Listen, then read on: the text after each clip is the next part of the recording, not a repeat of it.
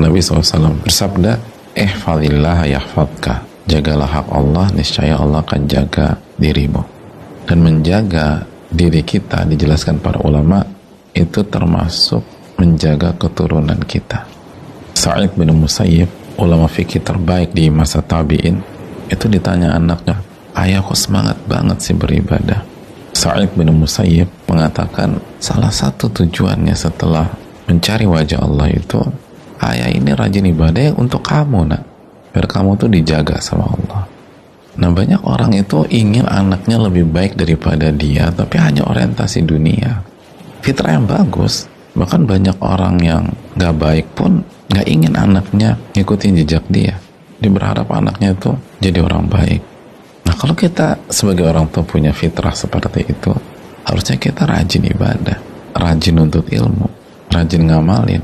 Nanti Allah jaga anak kita